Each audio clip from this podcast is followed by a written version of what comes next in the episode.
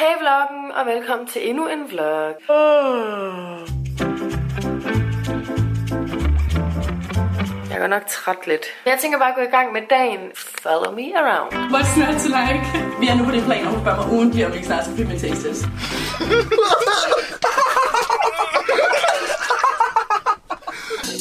snakker om sex, solskin, venskab i vildskab, kærlighed og kæledyr. De poserer frægt, reklamerer skarpt og laver fjollede jokes. Altså, ikke for at svine pikke til, fordi pikke kan ting. YouTubere og Instagrammere fylder meget hos mange, men hvem gemmer sig bag grinet, joken, det sminkede ansigt og de rå facader? Jeg har haft det ret skidt. Jeg ved sgu ikke hvorfor. De viser de mest private sider frem, Jeg har lige fået går. Mens 100.000 af teenager følger med på deres fedtede skærme. Der er rigtig mange af jer, der gerne vil have mig til at snakke om mit kærlighedsliv, mine tatoveringer, mit og Natashas forhold. det var lidt plat. Du sidder bare og froder. Du lytter til Mig, mig, mig og dig, et portrætprogram på Radio 4. Jeg ligner fandme en Barbie. Save me. Husk at smide en masse likes på den her video, hvis I synes, det er konge fedt. Ej, var det støvregnet lige nu? Fuck, det ser vildt ud. Ej, hvor er det vildt.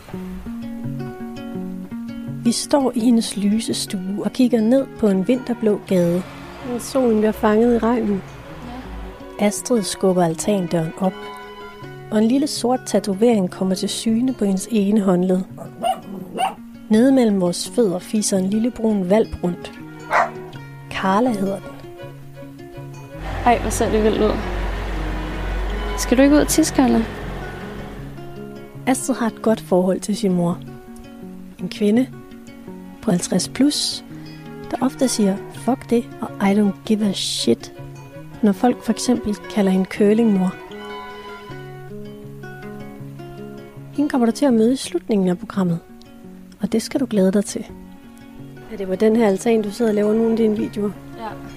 Det er det. Den sejler lige nu, fordi vi bruger den som køleskab. Grundet køkkenrenoveringen. Men først skal du møde Astrid.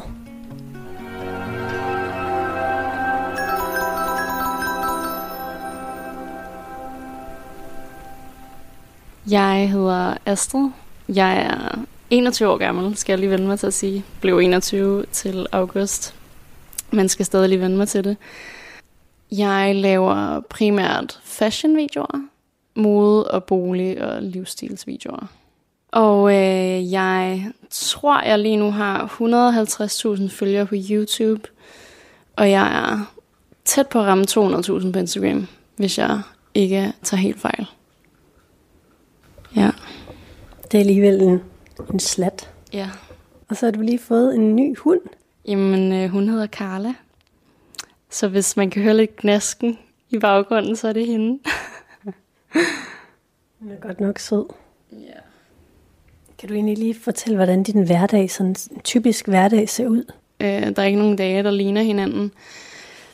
For det kan være... øh, Jeg kan være på optagelser hele dagen med en eller anden kunde, hvor vi laver en reklamefilm, eller jeg kan øh, ligge hjemme, og så ser jeg en hel dag, fordi at jeg holder fri, eller jeg kan øh, optage en video og bruge resten af dagen med min mor, hvor vi bare tager ud og køber planter eller et eller andet. Men jeg kan også sidde fra 8 om morgenen til 8 om aftenen og redigere og svare på mails og læse briefs igennem og planlægge månedens content og sådan.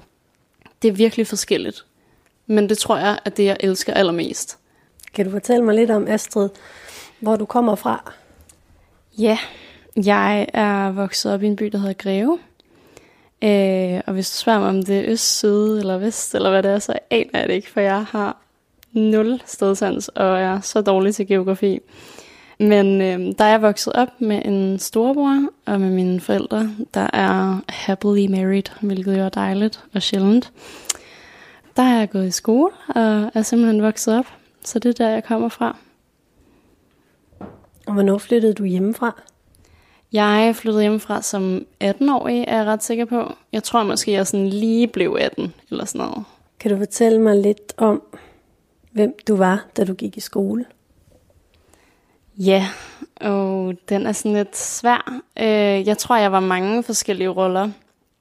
Jeg startede med at være den der klassiske, lidt irriterende pige, der sådan nok blev kategoriseret som sådan en øh, den populære pige, og det får jeg som så sådan en dårlig smag i munden over, skulle sige, men det startede jeg ud med, og var sådan venner med, med mange, og, og fungerede, altså kling, klingede med alle, synes jeg.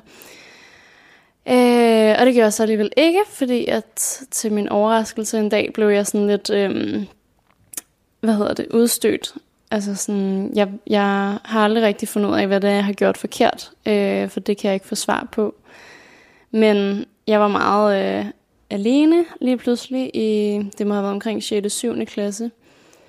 Oveni havde jeg et øh, kæmpe temperament, jeg ikke kunne få noget at styre. De synes, det var sjovt at drille mig og stikke til mig, fordi der kom en reaktion ud af mig. Noget, jeg slet ikke kunne tage, var, hvis man drillede mine veninder eller mine venner. Der kunne jeg virkelig sådan komme op i det røde felt, ikke? Så jeg tror hurtigt, at jeg sådan blev omtalt som temperamentsbomben, og det gjorde, at jeg blev sådan lidt set som hende, der, altså sådan, der havde temperament. Øh, og jeg blev mobbet helt vildt meget, ikke kun på grund af det, men bare alt muligt med min krop og sådan noget. Jeg var vildt tynd. Jeg kan huske, at vi havde sådan en tradition på min første skole med, at, øh, at der var sådan nogle, øh, hvad hedder det, nomineringer. Så 9. klasserne, der gik ud til deres sådan, afgangsshow, fik de lov til at nominere en masse i nogle forskellige kategorier. Og de gik og snakkede lidt i krogene om, at de ville lave en nominering, der hed Årets Stankelben. Hvor at i hver nominering kan der ligesom være tre nominerede, og de tre nominerede vil så være mig. Så det vil kun være Astrid, Astrid, Astrid. Så jeg vil ligesom kun kunne vinde den. Ja, det er jo ikke noget, man har lyst til at vinde. Så jeg kan huske, at altså, alt det her bliver ligesom det, der gør, at, at jeg skifter skole. Men det blev ikke ligefrem bedre, øh, fordi at der var nogle piger, der ikke brød sig om mig, og ja, det, det er jo, hvad det er. Øh, jeg synes faktisk, det var det værste år af min folkeskole, fordi at det blev sådan til fysisk mobning. Jeg kan huske, at jeg fik kastet ting efter mig. Blev skubbet op af nogle mure i ny og næ. Jeg tror, det var en dansk team. Det var jo ikke noget vildt, men jeg kan bare huske, at der var en af drengene, der øh, kastede en prop efter mig fra hans flaske, altså fra en plastikflaske. Og igen, det var ikke noget vildt, men det var bare så ydmygende, altså også sådan foran læreren. Og jeg tror også, at jeg undrede mig helt vildt meget over, hvorfor læreren ikke gjorde noget. Altså jeg kan huske, at jeg sagde et eller andet. Jeg kan huske, at jeg sagde sådan et eller andet. Hanne, hallo, eller sådan noget. Hanne hed min lærer. Og øh, hun sagde bare ikke noget. Så jeg kan huske, at jeg bare rejste mig og gik. De grinede lidt og kaldte mig nogle øgenavne eller sådan noget. Hvordan havde du det så, når du kom hjem efter sådan en dag i skolen? Det var sådan en vild mærkelig kontrast, jeg sad overfor, fordi at jeg lavede jo YouTube her. Jeg startede jo tilbage på YouTube i 6. klasse.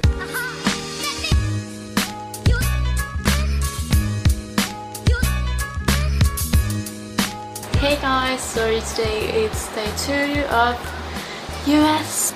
Yesterday we just like took a flight and got to US and it's a really really grey and plain weather so we just decided to go to a really like big mall which is so close to us um, and just like go shopping and all of that and all of that jazz so yeah I just wanted to say hi guys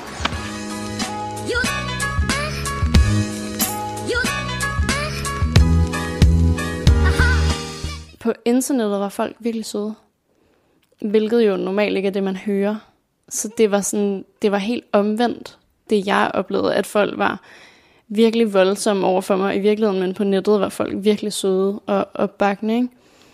Jeg kan huske på min nye skole, øh, der besluttede jeg mig for, at jeg ikke ville være vred længere. At jeg i hvert fald ikke ville reagere mere. Og jeg kan huske, at nogle af drengene opdager, at jeg laver YouTube, så begynder de jo selvfølgelig at drille mig med det. Så tænkte jeg, tage tyren ved hornene i stedet for. Der var en gut, der sagde et eller andet med, at han havde set et uh, review, jeg havde lavet af en foundation, og så sagde han sådan et eller andet, ej, og han synes, at den der foundation var fucking god, og kæft en fed video, og sådan, altså sagde det virkelig sarkastisk, ikke? Og så sagde jeg et eller andet sådan, Nå, Pede, jeg vidste sgu da ikke, at du gik med makeup. Det er da vildt fedt, at du kan følge med på min kanal. Og sådan, alle de andre drenge flækkede jo bare grin. Så jeg tror, at det der med, at jeg pludselig fik selvironi, og også gjorde grin med mig selv, og gjorde grin med, hvad end der kom af modstand, det tror jeg hjalp helt vildt.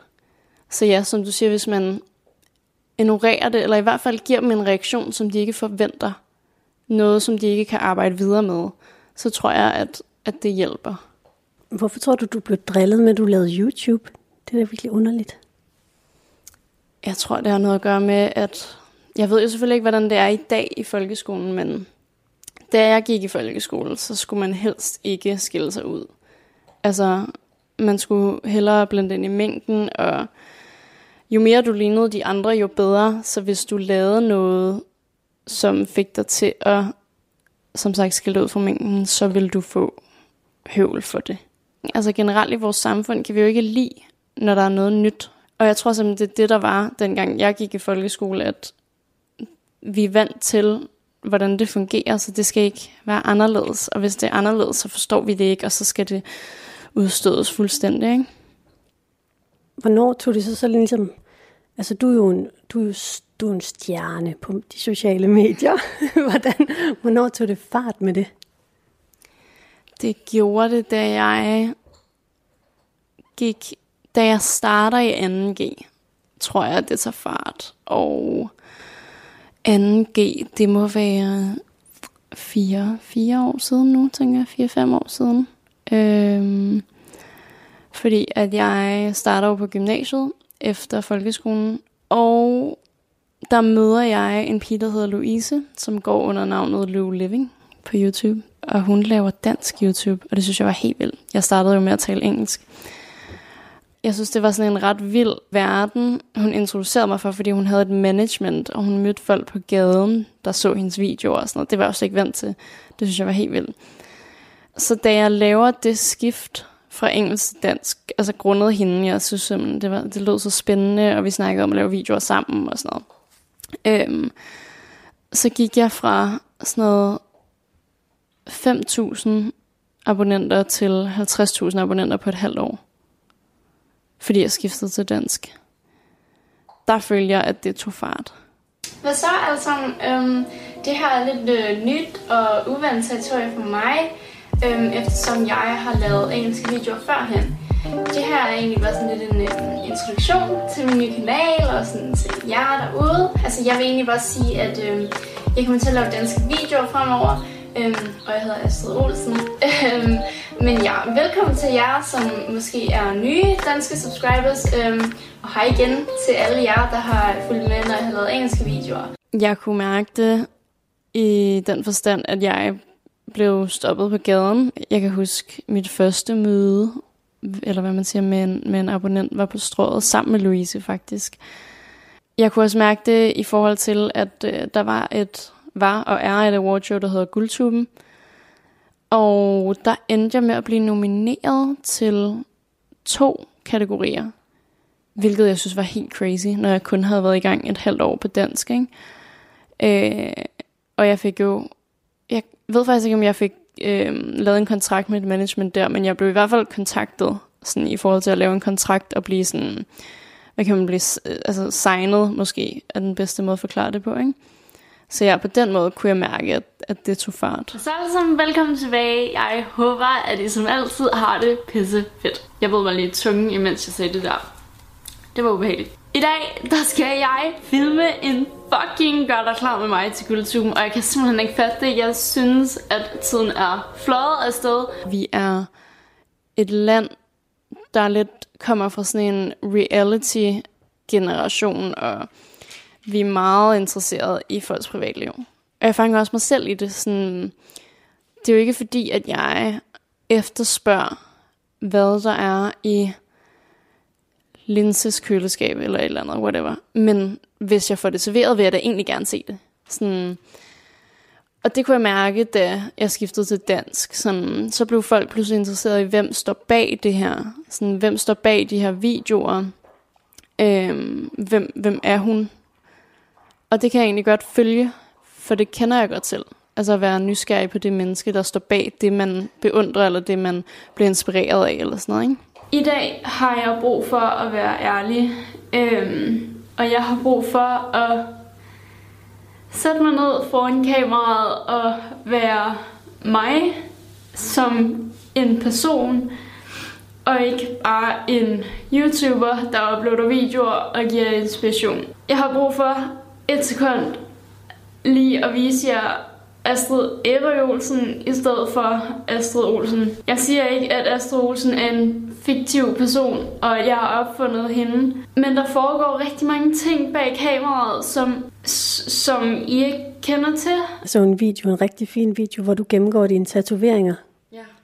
Så har du en tatovering, hvor der er en gravsten, ja. og så står der, fuck det. Ja. Kan du fortælle, hvad det er for noget? Ja, øh, min gravstens tatovering, hvor der står fuck det, er... Hvor er det, den er henne, det her? Den sidder herover på min højre skulder. Øh, den er dedikeret til min mor. Og jeg tror, der er mange, der bliver sådan, sådan når jeg siger en gravsten, og den er dedikeret til min mor, men hun lever heldigvis øh, stadigvæk. Den er dedikeret til hende, fordi hun har altid sagt, at når hun dør, skal der stå fuck det på hendes gravsten. Og det synes jeg er mega beundringsværdigt, og sådan, det er min mor i nødeskal, fordi det er også sådan, omfavner hele det her. Sådan, hun er også lidt Vestegnsagtig. Sådan, selvom hun er 50 plus, så banner hun sindssygt meget, og hun altså, er, er også klodset, men er, er så ligeglad, og hun har altid lært mig, at der ikke er noget, man skal være pinlig over. Øhm, så den er dedikeret til hende, fordi jeg synes, det er en mega sund måde at leve på. I hvert fald i forhold til sin opfattelse af sig selv. Det er vigtigt, det her med ikke at tænke så meget på, hvad alle andre tænker. Din mor, hun kommer jo lige om lidt. Hvordan kan det være, at du synes, hun skal være med til at fortælle historien om dig? Ja, jeg synes, hun skal være med, fordi at hun har jo været med til at forme mig fra barns ben. Og derudover har hun så også været sindssygt meget inden over hele mit job.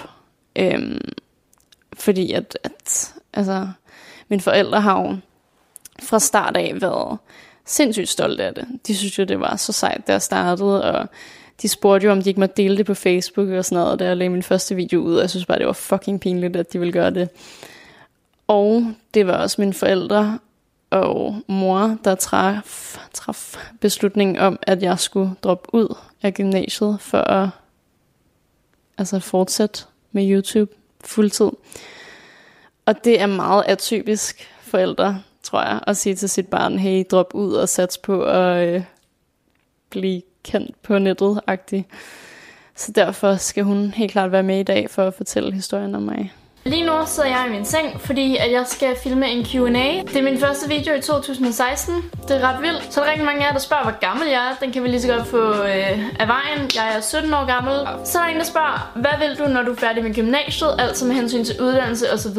Lige nu er det hele meget åbent. Det kunne være super fedt at lave YouTube fuld tid. Du fortalte mig i telefonen, da vi talte sammen, at du godt kan føle dig lidt splittet. Er det rigtigt husket? Mellem øh, den, du er på YouTube, og den, du er i virkeligheden? Ja, det er rigtigt husket. Det tror jeg fordi, at jeg godt kan lide at være ærlig. Men at der også er grænser for, hvad man faktisk skal dele ud af. Fordi nogle gange har jeg lyst til at sige helt lortet som det er. Jeg har lyst til at udlevere en eller anden kunde, jeg har samarbejdet med, som har gjort, at øh, jeg har ligget og haft øh, angstanfald den seneste uge, og derfor er jeg pissedrænet. Jeg har lyst til at sige alt, som det er, fordi det er vokset op med, at man gør. Men samtidig har jeg jo også et brand, der skal, altså hvad kan man sige, beholdes og bevares. Jeg har også respekt for mine kollegaer, eller de kunder, jeg samarbejder med, så selvfølgelig skal de ikke udleveres. Men nogle gange ville det bare være nemmere, hvis der var gennemsigtighed i branchen. Øhm, fordi jeg tror, at, at alle de unge, der følger med, vil have en større forståelse for alt. Når du fortæller det her med, at nogle gange har du bare lyst til at fortælle alt. Øhm, og så sagde du et eller andet med angstanfald. Hvad er det, der gør, at, øh, at du er ramt af det? Jeg, jeg tænker simpelthen for meget. Altså, jeg tænker for meget generelt. Det tror jeg, der er rigtig mange, der gør. Specielt ungdommen. Øhm, så når jeg ligesom mister kontrollen, og jeg bliver presset, og jeg også er følelsesmæssigt investeret i noget, så tror jeg, at mit system lukker ned og resulterer så i et angstanfald. Ikke? Jeg tror, det er det, det handler om. Det føles ubehageligt og uvirkeligt.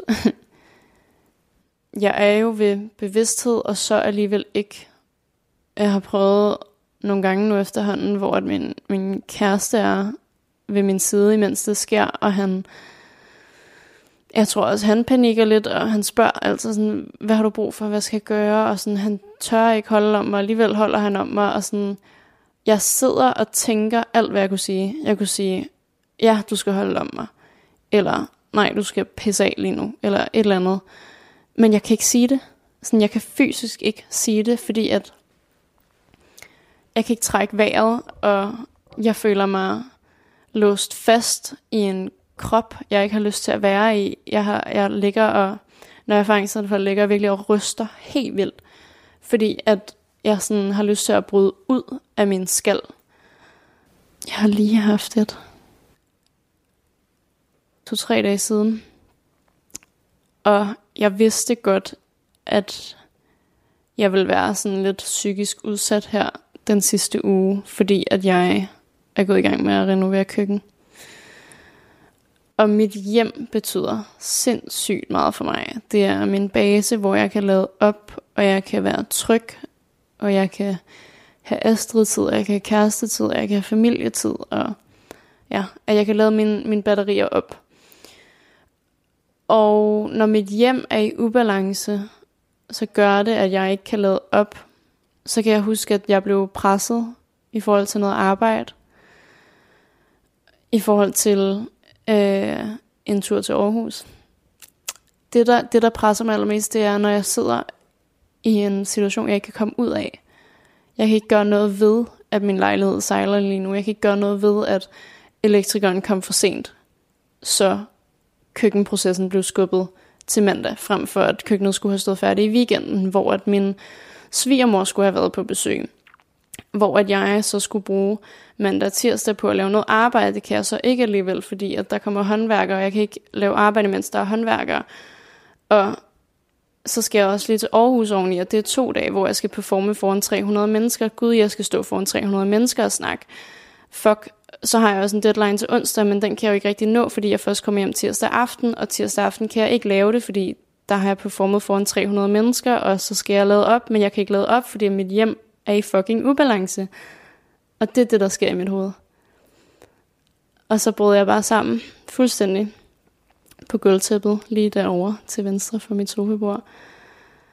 Og nogle gange har jeg lyst til, at min kæreste skal holde om mig, og nogle gange har jeg virkelig ikke lyst til det. Men der havde jeg brug for det, og det gjorde han også. Han var virkelig god der. Og sådan hans duft og hans øh, åndedræt kan nogle gange, nogle gange få mig til at falde til ro, og det gjorde det der. Og jeg tror, at det, der er allermest åndssvagt, er, at jeg siger til mig selv, at det er åndssvagt. For når jeg sidder og fortæller de her tanker, så tænker jeg, hvor mange mennesker sidder ikke derude nu og flækker og grin over, at jeg kan få et angstanfald over, at mit køkken er ved at blive lavet om. Men det handler jo om dybere ting.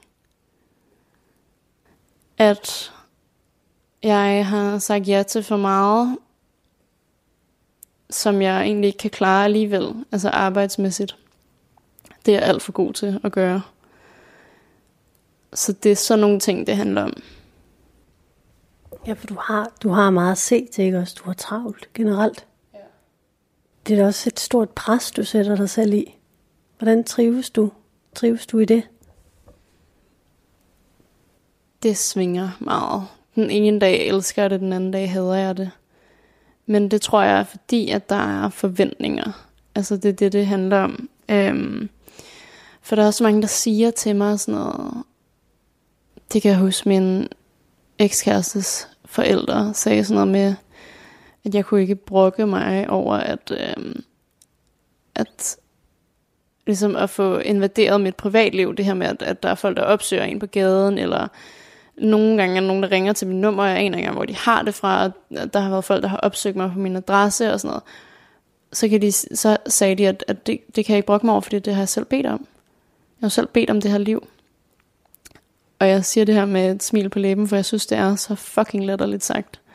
Og jeg ved, at der er så mange, der sidder med den her holdning, at vi har selv bedt om det her liv.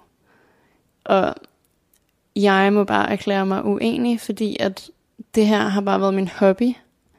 Og pludselig tog det fart, og ja, jeg kunne have sagt stop, og ja, jeg kunne have stoppet, men jeg brænder over for helvede for det her. Jeg synes jo, det er mega spændende. Og ligesom med alle andre jobs, er der jo et men. Altså, så er der en eller anden, der er revisor og elsker at arbejde med tal, men måske har han en fucking irriterende chef. Og det er jo det samme med mit arbejde. Der er jo også nogle mænd, mænder. Så altså, man må jo tage det sure med det søde. Lige så vel som der er øh, nogle dumme mennesker derude, der opsøger mig på min adresse, eller er chikanerende i offentligheden, så er der jo også nogle virkelig, virkelig fantastiske mennesker, der sender mig lange beskeder om, hvordan jeg har ændret deres hverdag, og hvordan jeg har ændret, der var en, der skrev, at jeg havde ændret hendes øh, lille søster. Hun havde en spiseforstyrrelse og havde vendt sig af med den, på grund af, at hun havde set mine videoer, og hvordan jeg har hjulpet med det, det aner jeg jo ikke, men det er jeg jo så fucking taknemmelig for. Og folk, der stopper mig på gaden og er søde og vil snakke længe, frem for bare sådan lidt et hurtigt billede og så videre. Altså, det var jeg op for det. Du fortæller i en af dine seneste videoer, at du har følt dig ensom. Mm. Kan du fortælle, hvad det bunder i? Hej folket, velkommen tilbage. I skal i dag se en live update, fordi jeg føler, at det er mega tiltrængt. Jeg har skrevet seks emner ned, som jeg vil prøve at komme ind på, baseret på jeres sådan, efterspørgsel om, hvad jeg skulle snakke om. Jeg har haft lyst til at få hund i et stykke tid nu, og det har handlet meget om at jeg føler mig ensom. Det tror jeg, I alle sammen har forståelse for, fordi at I et nok godt forstår, hvorfor jeg i mit erhverv kan føle mig ensom, men fordi I to måske også selv føler jeg ensom. Jeg øh, har mistet en del venskaber. Jeg synes, det er svært at få venner. Altså for eksempel, min kæreste går på arbejde hver dag, eller øh, skal til at studere og sådan noget. Så derfor føler jeg mig jo ensom, fordi jeg er fucking hjemme hele dagen. Altså sådan, det er jo det er sygt, jeg vil blive syg i hovedet af det. Altså sådan, jeg snakkede lige med min kæreste om, at nu hvor vi også har fået hund, hvilket faktisk også har været, øh, altså hvilket, øh, hvad kan man sige, det her med ensomhed har jo også været en grund til, at jeg ville have hund, har jo så gjort, at jeg er endnu mere låst til hjemmet. Altså sådan, han har haft taget ud og trænet og set en fodboldkamp og sådan noget, hvor jeg sagde til ham sådan, at jeg vil også gerne ud. Jeg har brug for at gå ud og drikke en fucking kop kaffe, eller et eller andet sådan, fordi jeg er hjemme hele tiden. Og jeg føler mig fucking ensom, fordi der er så mange, der har et eller andet billede af, hvordan jeg er som person.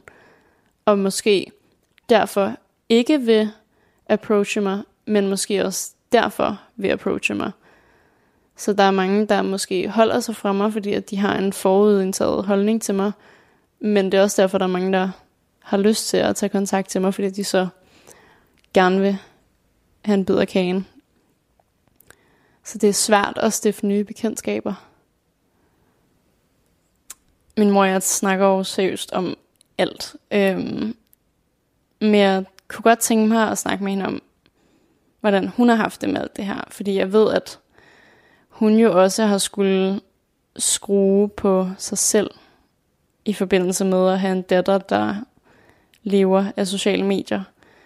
Mm, og har jo også haft venner og og bekendte, der har været nysgerrige på mig og spurgt ind til, hvor meget jeg har tjent og alt muligt, som ikke rager dem. Øh, og derover har hun haft et andet barn, min storebror, som er kæmpe kontrast til mig. Altså nok, hvad man vil kategorisere som værende en introvert. Hvordan hun har skulle balancere det, det, det tror jeg gerne, jeg vil spørge hende om.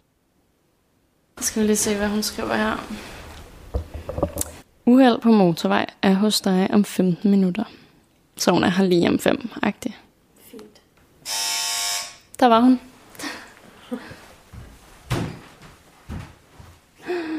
Hvem er det? Åh, oh, det er mami. Hallo. Oh. Hej, hundepige. Hej, hej hundepige. Oh, hej, hun er pige. Nu er du stødt til, Susie. Ja. Og I sidder i sofaen. Ja. Og jeg sidder i en stol og skal nå over til jer. Men jeg håber, det går. Jeg håber. Ja. og vi sidder inde i din stue, Astrid. Ja. Stadigvæk. Susi, kan jeg få dig til lige at præsentere dig selv? Ja. Jeg er mor til Astrid, også kaldt øh, Mommy O. øhm, og Astrid har inviteret mig med i dag, for øhm, der var nogle ting, du ville spørge mig om, og Katrine, du ville også spørge mig om noget, ikke? eller der var nogle ting, I sådan gerne ville have afdækket, eller hvad man skal sige. Ikke? Så øh, derfor er jeg stødt til nu. Måske det første, vi lige kan tale om, det er den tatovering, Astrid har. Kan du fortælle lidt om det der med at sige fuck det til det hele? Hvad, eller hvad, hvad mener du med det? Jeg mener med det, at, at når ting er sket, så er der ikke noget at gøre ved det. Øhm, at man kan bruge resten af sit liv på at fortryde alt muligt. Man kan også bruge resten af sit liv på at tilgive sig selv, og så sige fuck det. Øh, der er mange mennesker, der nok hellere vil sige pyt, men sådan en type er jeg jo ikke. Jeg har øh, brede skuldre og en stor numse og øh, hår på brystet. Øhm, så jeg siger fuck det, øh, og det er lige så meget til mig selv også, fordi at jeg er også god til at overtænke ting og tænke over, når det er sket. At nogle gange er det måske meget godt at sige fuck det. Øhm, og så også bare fordi tanken om, at hvis nu man blev begravet, og der var en gravsten, og der var nogen, der gik tur på kirkegården, og der stod fuck det på en gravsten, tænkte, det kunne bare være grineren. Så øh, det er det, det handler om. Og så har Astrid og jeg, vi har talt om det med, at, at det var dig, der... Øh, var det dig, der foreslog, at Astrid skulle droppe ud af gymnasiet, eller hvordan? Kan du fortælle lidt om det? Ja. Hvad var det, der skete? Ja, det var det nok. Altså, øh, Astrid stred med at øh, komme igennem, var det 2G? Det var tredje gang. Var det 3. Ja. Øh, du havde flyttet skole, mm. og flyttet skole, og øh, altså, det, i virkeligheden er det mega strengt at sige det, men, men min mand og jeg har ikke tillid til uddannelsessystemet. Vi synes, at mange af de uddannelser, som er nu, eller hele systemet, er til for undervisernes skyld. Det går ikke op i at få et fedt produkt ud. Øh, og så har vi aldrig været ambitiøse på vores børns vegne. Vi har synes, at øh, det de skal, det er det, de har lyst til. Det skal ikke være noget, vi bestemmer. Øh, og, og Astrid havde det virkelig skidt. Og, og så var der en, en dag eller en weekend, hvor du græd fra morgen til aften, fordi der var nogle afleveringer, der skulle klares. Øhm, og så sad jeg nede i stuen og kunne godt høre det, der foregik. Øh, du lå op på første sal. Og så sagde jeg til Michael, jeg, synes, vi stopper det her. Øh, Michael er farmand, mm. min mand. Øh, og så gik jeg op til dig, og så sagde jeg til dig, at øh, hvis ikke det er det her, du vil, hvis ikke det er det, du brænder for, hvis ikke du skal bruge det til noget, undskyld mig, lige nu, så fuck det, sagde jeg, hvis nok. Der sagde du, hvorfor skal du blive et sted endnu et år, hvor du kan gå helt ned i kulkælderen og blive så ulykkelig, at du efter det år skal bruge flere år på at reparere dig selv. Hvorfor så ikke bare stoppe det nu og, og, og fortsætte med det her YouTube og være lykkelig? Det kan jeg huske, at vi snakkede om. Og jeg tænkte netop, are you serious? Så aftalte vi simpelthen med gymnasiet, at, at Astrid får en time out, time out og øhm, lavet en aftale om, jeg kan ikke huske, om det var et eller to år, du kunne få lov at lave en pause, eller sådan, for at se, hvordan, hvordan går det.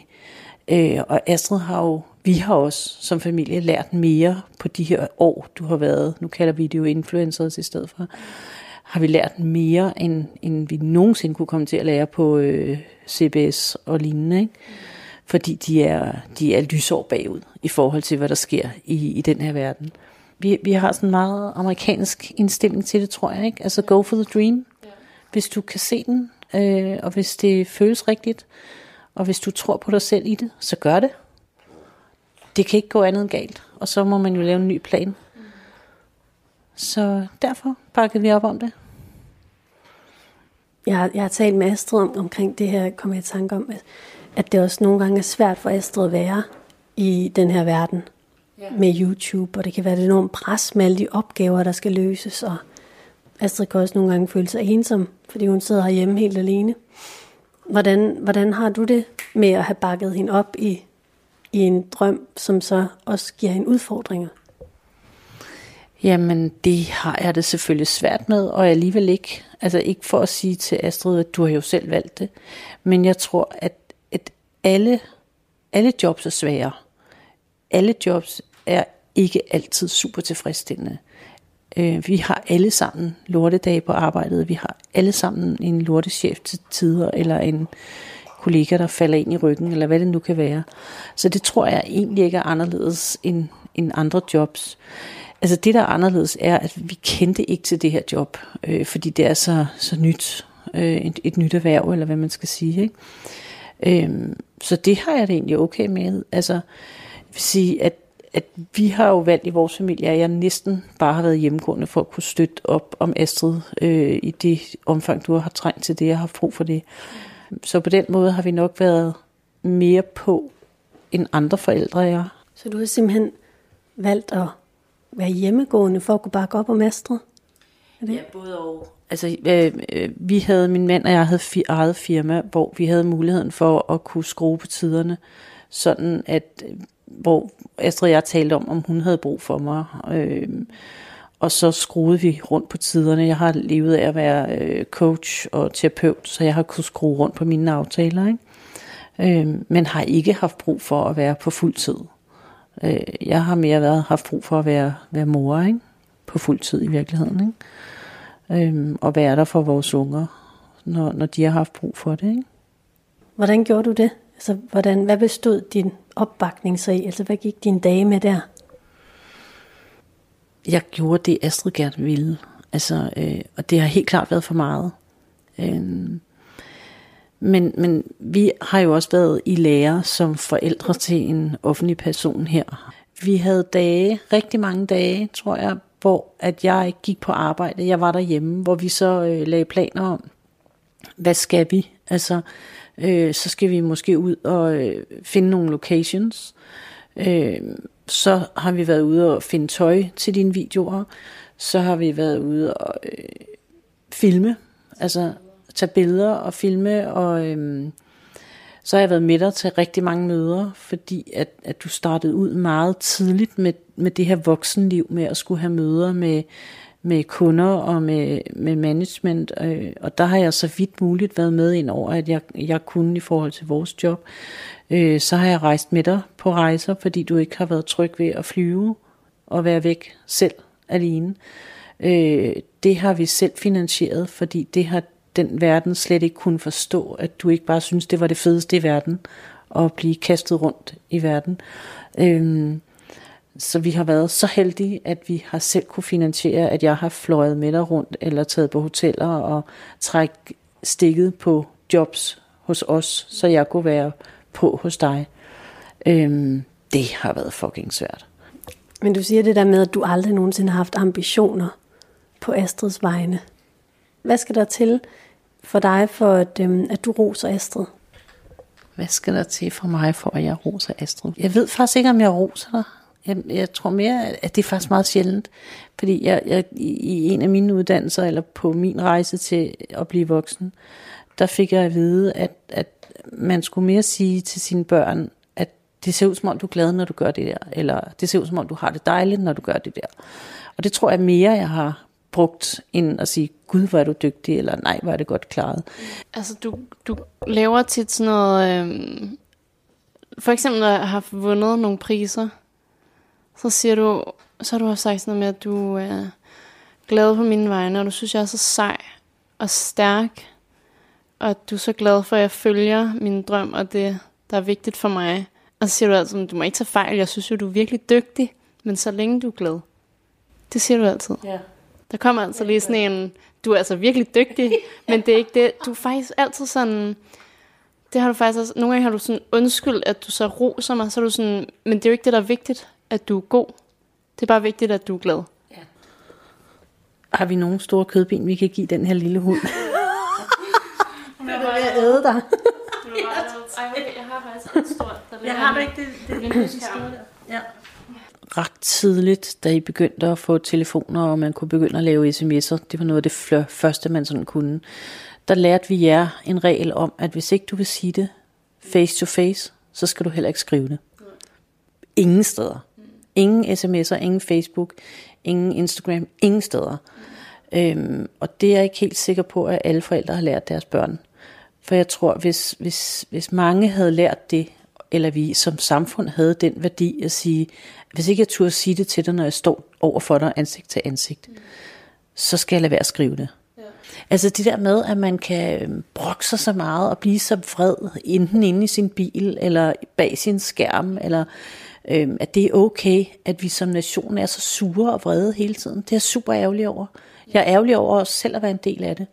Øhm, hvor jeg vil ønske, at vi som, som folk var mere positive og rummelige. Mm.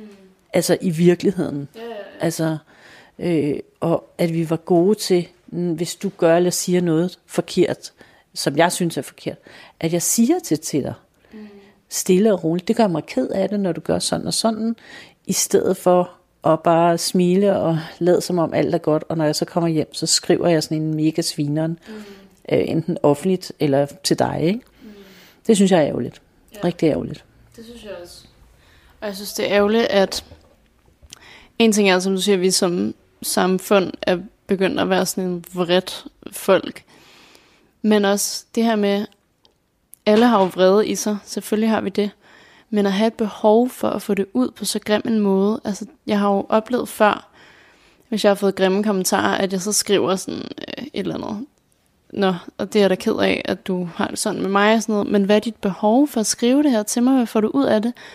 Hvor jeg så har fået sådan et svar tilbage, der hedder sådan noget, jamen vi har jo ytringsfrihed. Åh, oh, okay. Mm. Så fordi at vi har ytringsfrihed, så vil du gøre skade med dine ord. Det, jeg forstår ikke behovet for det. Ja, det er en af vores uendelige snakke ja, om... Ja, det er rigtigt. Det fylder faktisk rigtig meget. Ja. Ja. ja. Kan I prøve at komme med et eksempel på et eller andet, der var rigtig træls?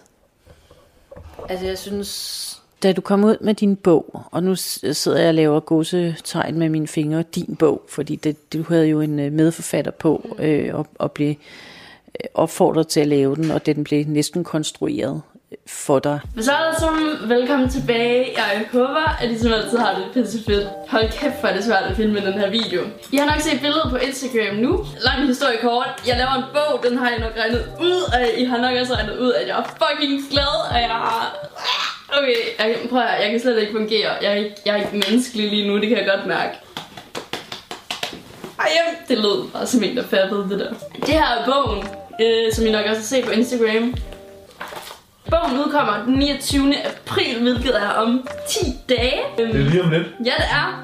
Det er lige om lidt, og det er så fucking vildt. Bogen kommer selvfølgelig til at omhandle mode og beauty, eftersom det er sådan det, jeg er bedst til. En sød, naiv ungdomsbog. Yeah.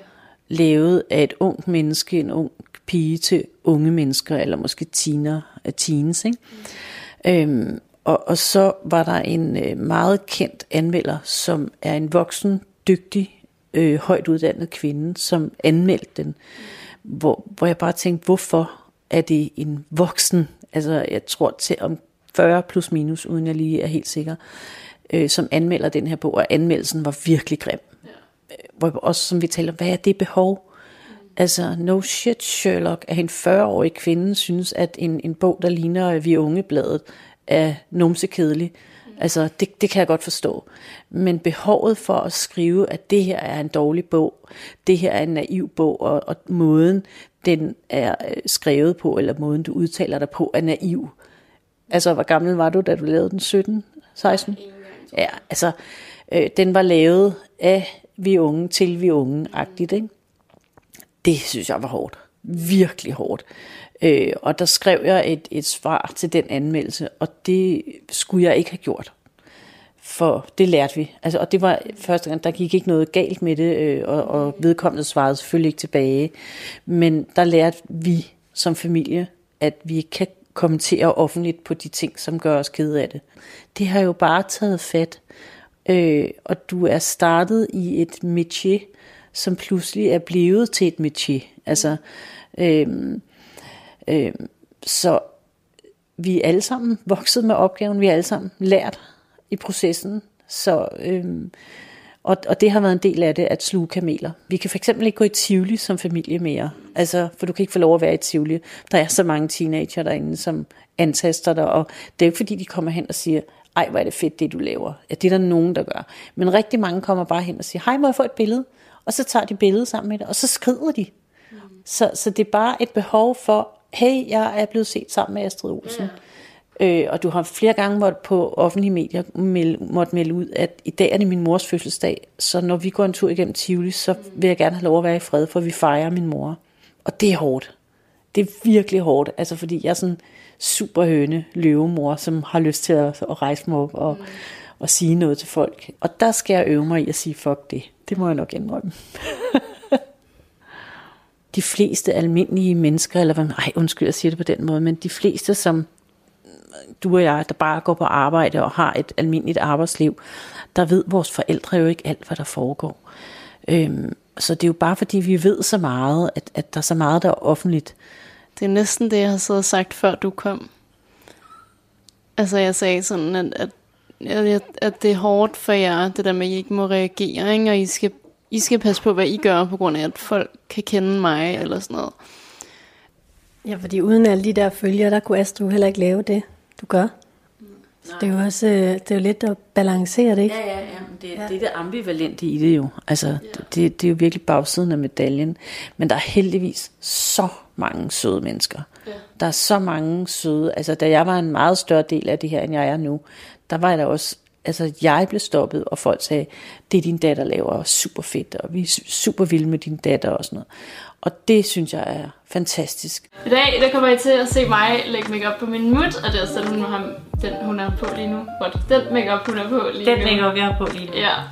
Øhm, og der var egentlig ikke nogen sådan, altså ikke noget formål med det. Jo, du skal arbejde lidt, så jeg fokuserede på at gøre det lidt neutralt, sådan lidt arbejdsvenligt stadigvæk. Jeg skal have klienter, så, ja. så vi skal ikke skræmme dem væk. Nej, det er det. Nå, hvis I vil se nogle flere videoer med min mut, så skriv det lige ned i kommentarfeltet. Jo, jo, jo, jo, jo. og hvis øh, I kunne lide den her video, så giv den et like, og ellers så håber jeg selvfølgelig bare, I nødt at se noget. Jeg tror bare, at jeg er taknemmelig for at lave det her, men jeg tror heller ikke, jeg vil kunne det uden dig og far. Altså, jeg vil ikke kunne have gjort det, uden at I havde skubbet mig til det. Altså, havde givet mig lov, er det jo nok mere rigtigt formuleret.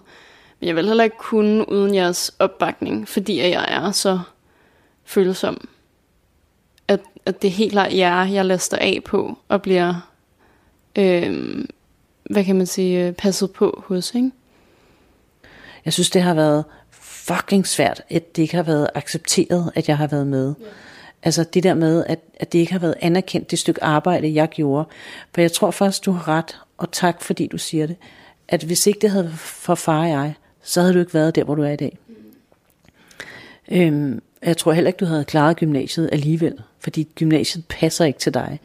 Det passer ikke til rigtig mange. Jeg tror, det handler den anden vej rundt, at, at man skulle prøve at skrue på det, men det er en anden politisk øh, podcast, vi laver en anden dag.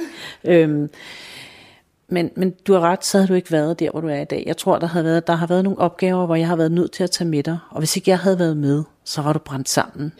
Og måske havde du nået at være rundt og indenfor i det psykiatriske system, hvis ikke vi havde kunne hjælpe dig så meget, som vi har gjort. Fordi jeg synes ikke, at, øh, og det er jo også igen, det er et nyt erhverv, jeg sagde mit chef før, det betyder jo erhverv. Øh, så verden ved ikke, hvad der skal til, og verden, altså hele, hele det erhverv er ikke, er ikke gearet til at håndtere jer som unge mennesker. Unge mennesker, som bliver kastet ud i at have et voksen arbejdsliv ret hurtigt. Så altså, der er ingen overraskelse i, at nogen af jer, der er i det her fag, kan virke på os andre, som har taget den slaviske uddannelsesvej og øh, det slaviske arbejdsliv. Kan det godt virke øh, som om, at I er meget forkælet, og jeres adfærd er meget forkælet. Øhm, men hvor fanden skulle vi vide det fra? Hvor fanden skulle I vide det fra? Ingen af os har prøvet det her før. Jeg skal stille den øh, kritiske lytters spørgsmål her. Ja. Er det ikke sådan lidt kølingagtigt? Altså at feje vejen for sin datter på den måde der? Altså er du bange for, at Astrid skal opleve modstand? Nej, jeg er mere bange for... Jo, det er super curlingagtigt til, dit, til, dit, den kritiske lyttespørgsmål. Jo, øh, det er super curlingagtigt, og ja, jeg er bange for, at Astrid går ned. Jeg har aldrig forstået. Jeg, jeg vil lige sige, og det er en anden lang historie. Jeg har selv været meget langt nede. Meget længe. Og jeg vil ønske, der havde været nogen, som havde hævet meget op af det lort. Jeg vil lige sige, at min, min mand har været, farmand har været en kæmpe støtte. Det er helt vildt, hvad han har klaret øh, at lægge ryg til og øh, håndtere og udstå. Øh, og det ønsker jeg ikke for min værste fjende, at de skal gå igennem. Jeg kan ikke forstå, hvorfor at vi skal udsættes for modstand. Hvorfor skulle jeg ønske for mine børn, at de går ned med flaget? Øh, og du er meget følsom. Det er Laurits også. Og jeg kan simpelthen ikke forstå, hvorfor at, at vi skulle sige til nogen af jer, I skal bare tage den der uddannelse, uanset om I er ved at knække halsen på det. Og, og jeg er ret sikker på, at hvis vi havde været nogle andre forældre, så tror jeg, at du var endt med at blive psykisk syg. Mm. Og jeg tror, du var endt med cutting og alt muligt andet øh, meget værre. Kald det curling. I don't give a shit. Hej, og velkommen til. I dag har jeg sgu min mor med, så der skal også være lidt om mor Du fylder rigtig meget i mit liv, men kan du huske, hvornår jeg sådan starter med at, at blive, hvad kan man sige, interesseret i at snakke med dig, altså at åbne op? Altså det, jeg husker mest, det er den der snak, vi har ude i haven. Ja, er det ikke rigtigt? Jo, det er hvor, sjovt. hvor vi ligger på øh, solsengene, men det er Du aften. har din dyne med. Jamen vi ligger, øh, altså sådan har rykket det sammen til en dobbeltseng-agtigt, ikke? Ja. Vi ligger derude og kigger på stjerner og taler sammen. Ja. Øhm, og det handler meget om din frygt for døden. Ja. Øhm, og så handler det også meget om det her med de bryster, Ja, jeg skulle der bare mine aldrig bryster. kommer. Ja. Jeg kan huske, jeg havde en lortedag i skolen, og jeg kan ikke huske hvorfor. Jeg kan huske, jeg gik en anden vej hjem, end jeg normalt ville, fordi jeg skulle undgå nogle af de der 9. klasser eller et eller andet. Jeg synes, de var lidt farlige. Og jeg kan huske, jeg græder hele vejen hjem, og så ender du med at ligge derude i haven, da jeg er hjemme. Og så starter det jo bare der, føler jeg. Ja, altså jeg tror bare, du, du kravler op og ligger hos mig, ikke? Jo. Altså, øhm, Jeg kan bare huske, at du ligger der med din dyne, og vi har slået solsengene sammen. Ja. Som en dobbeltseng. ja. Jeg kan huske, at jeg kommer hjem og øh, i vores køkken i det hus, som jeg er vokset op i, eller som jeg husker, jeg er vokset op i i Greve der, der øh, har vi en halvmur i køkkenet. Jeg kan huske, at jeg læner mig hen over den, og far han er i gang med at lave mad, og du står og sådan tænder sterinlys eller et eller andet. Og så kommer jeg hjem fra skole, og jeg brokker mig vildt meget, jeg var sådan, øh, og pigerne har bare været øh, øh, i dag, og jeg er så træt af, at alle piger bare taler bag om ryggen på mig, og et eller andet. Jeg brokkede mig i hvert fald over, at piger sådan sladrede og et eller andet. At der var blevet sagt noget om mig. Og så siger du bare, iskold. Jeg tror også, der var du bare træt af at høre om mig. brokke mig over de her piger. Og så sagde du, har du ikke også selv sagt alt muligt lort? Og jeg kunne min første indskydelse var sådan, nej, det har jeg sgu da ikke. Så var du sådan, har du ikke det? Har du ikke også sladret lidt? Eller været lidt en killing? Altså, du lærte mig virkelig hurtigt at se indad. Og lære, at det også er okay at begå fejl. For jeg kan huske, at så indrømmede jeg, at jeg var sådan, gud ja, det har jeg sgu da også. Så sagde du, jamen så må du bare stoppe med det. Altså, det starter jo ved dig. Pas på mikrofonen.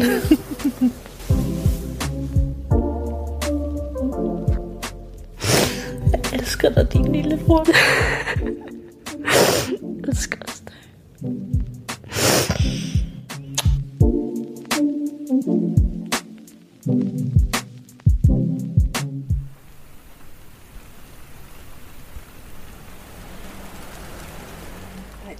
en regnbue. Ja, et eller andet sted, ikke? Du lyttede til portrætserien Mig, mig, mig og dig, Carla, skal du ind igen?